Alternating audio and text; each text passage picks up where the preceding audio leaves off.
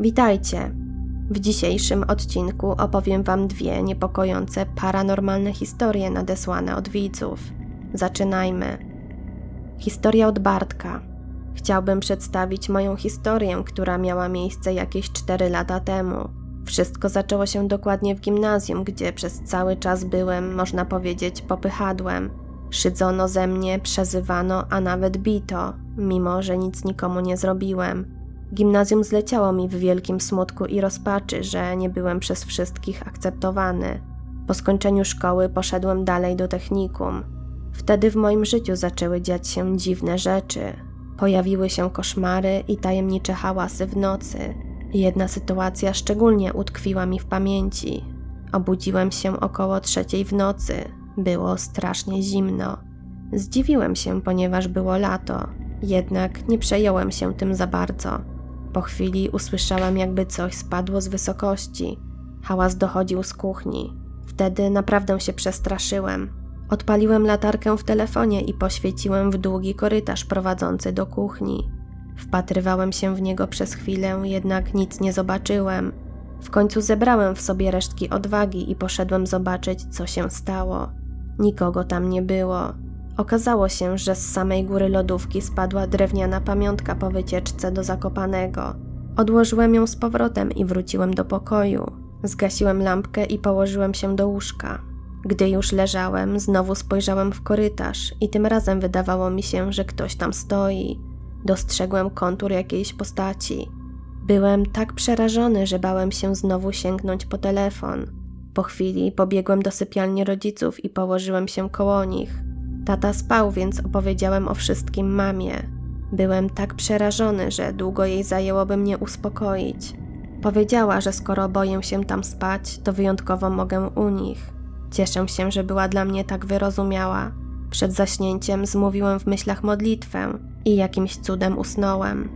Rano przez chwilę zastanawiałem się, czy to był tylko sen, ale obudziłem się w łóżku rodziców, więc wyglądało na to, że wszystko wydarzyło się naprawdę. Potem opowiedziałem tę historię mojej babci, która wręczyła mi mały drewniany krzyż i powiedziała, żebym się nie bał oraz przed każdym pójściem spać modlił się z krzyżem w ręce. Po jakimś czasie, na szczęście, wszystkie koszmary i dziwne rzeczy zniknęły. Od tej pory zacząłem bardziej interesować się zjawiskami nadprzyrodzonymi. Myślę, że cała ta historia może mieć związek z moją przeszłością, ponieważ złe byty interesują się osobami słabymi, Wtedy duchowi jest łatwiej na nie wpływać, a co najgorsze, łatwiej też opętywać. Na szczęście u mnie skończyło się na dziwnych zjawiskach i koszmarach. Do tej pory nie wiem, co wydarzyło się tamtej nocy.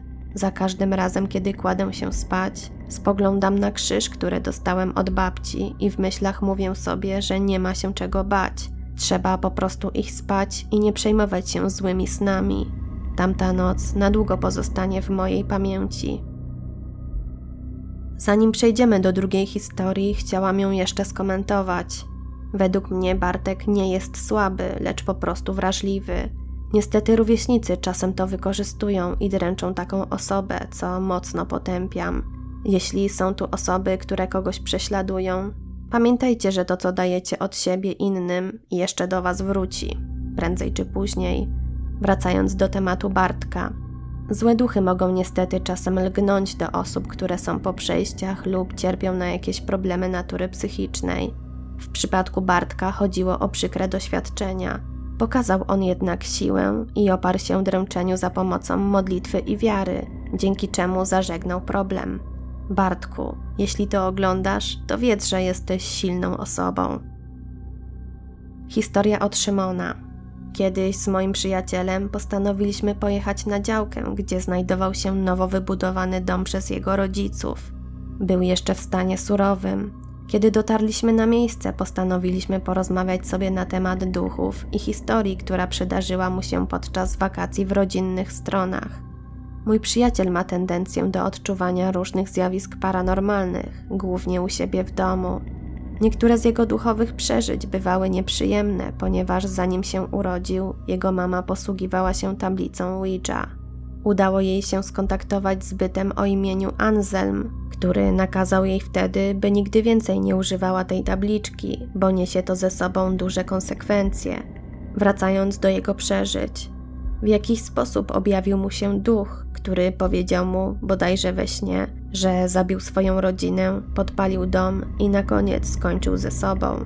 Poprosił mojego kolegę o pójście na wskazany przez niego grób i odmówienie modlitwy, by zapewne mógł spokojnie udać się do zaświatów.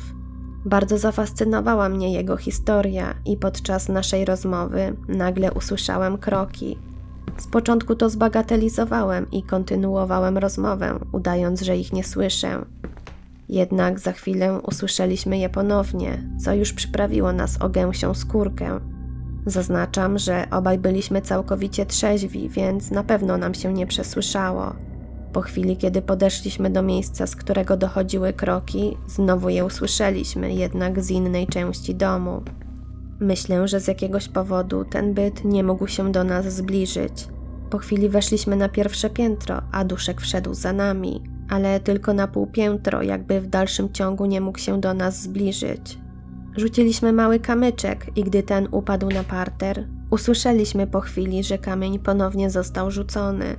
Kiedy zeszliśmy na dół, wiatr powiewał gumowymi linkami i innymi dodatkami, które używane są podczas wszelkiego rodzaju wykończeń. W pewnym momencie zamknąłem oczy, wziąłem głęboki wdech i zapytałem spokojnie: Potrzebujesz ciszy? I w tym momencie nagle wszystko ucichło. Od razu rzuciłem mojemu przyjacielowi: Stary, jedziemy stąd. Bo nie ukrywam, ta sytuacja mnie przytłoczyła. Gdy wsiadaliśmy już do auta, dostrzegłem czarnego ptaka, który wielkością przypominał jastrzębia. Zaczął latać naokoło auta mojego przyjaciela i tym bardziej chciałem stamtąd jak najszybciej odjechać. Wiem, że brzmi to dość niewiarygodnie, ale historia jest prawdziwa. Mam gęsią skórkę, jak o tym myślę. To koniec mojej opowieści i jedynego paranormalnego zjawiska, które przydarzyło mi się w życiu. Kwestia tego, czy ktoś w to wierzy, czy nie, to jego sprawa, ale sam wiem, co wtedy odczuwałem. Myślę, że pojawienie się owego bytu obok nas było spowodowane rozmową na temat duchów, co w jakiś sposób go do nas przyciągnęło. Wiem na pewno, że każdy byt, który będzie nam manifestował swoją obecność, należy traktować z szacunkiem i pewnością siebie, bo jeśli będziemy z nich żartować czy bać się ich, to będą miały pożywkę z naszego strachu i urosną w siłę. Pozdrawiam i życzę wszystkiego co najlepsze. Na dziś to już wszystkie historie. Wpadajcie na moje media społecznościowe. Linki zostawiam Wam w opisie pod tym filmem. Do usłyszenia w kolejnym odcinku.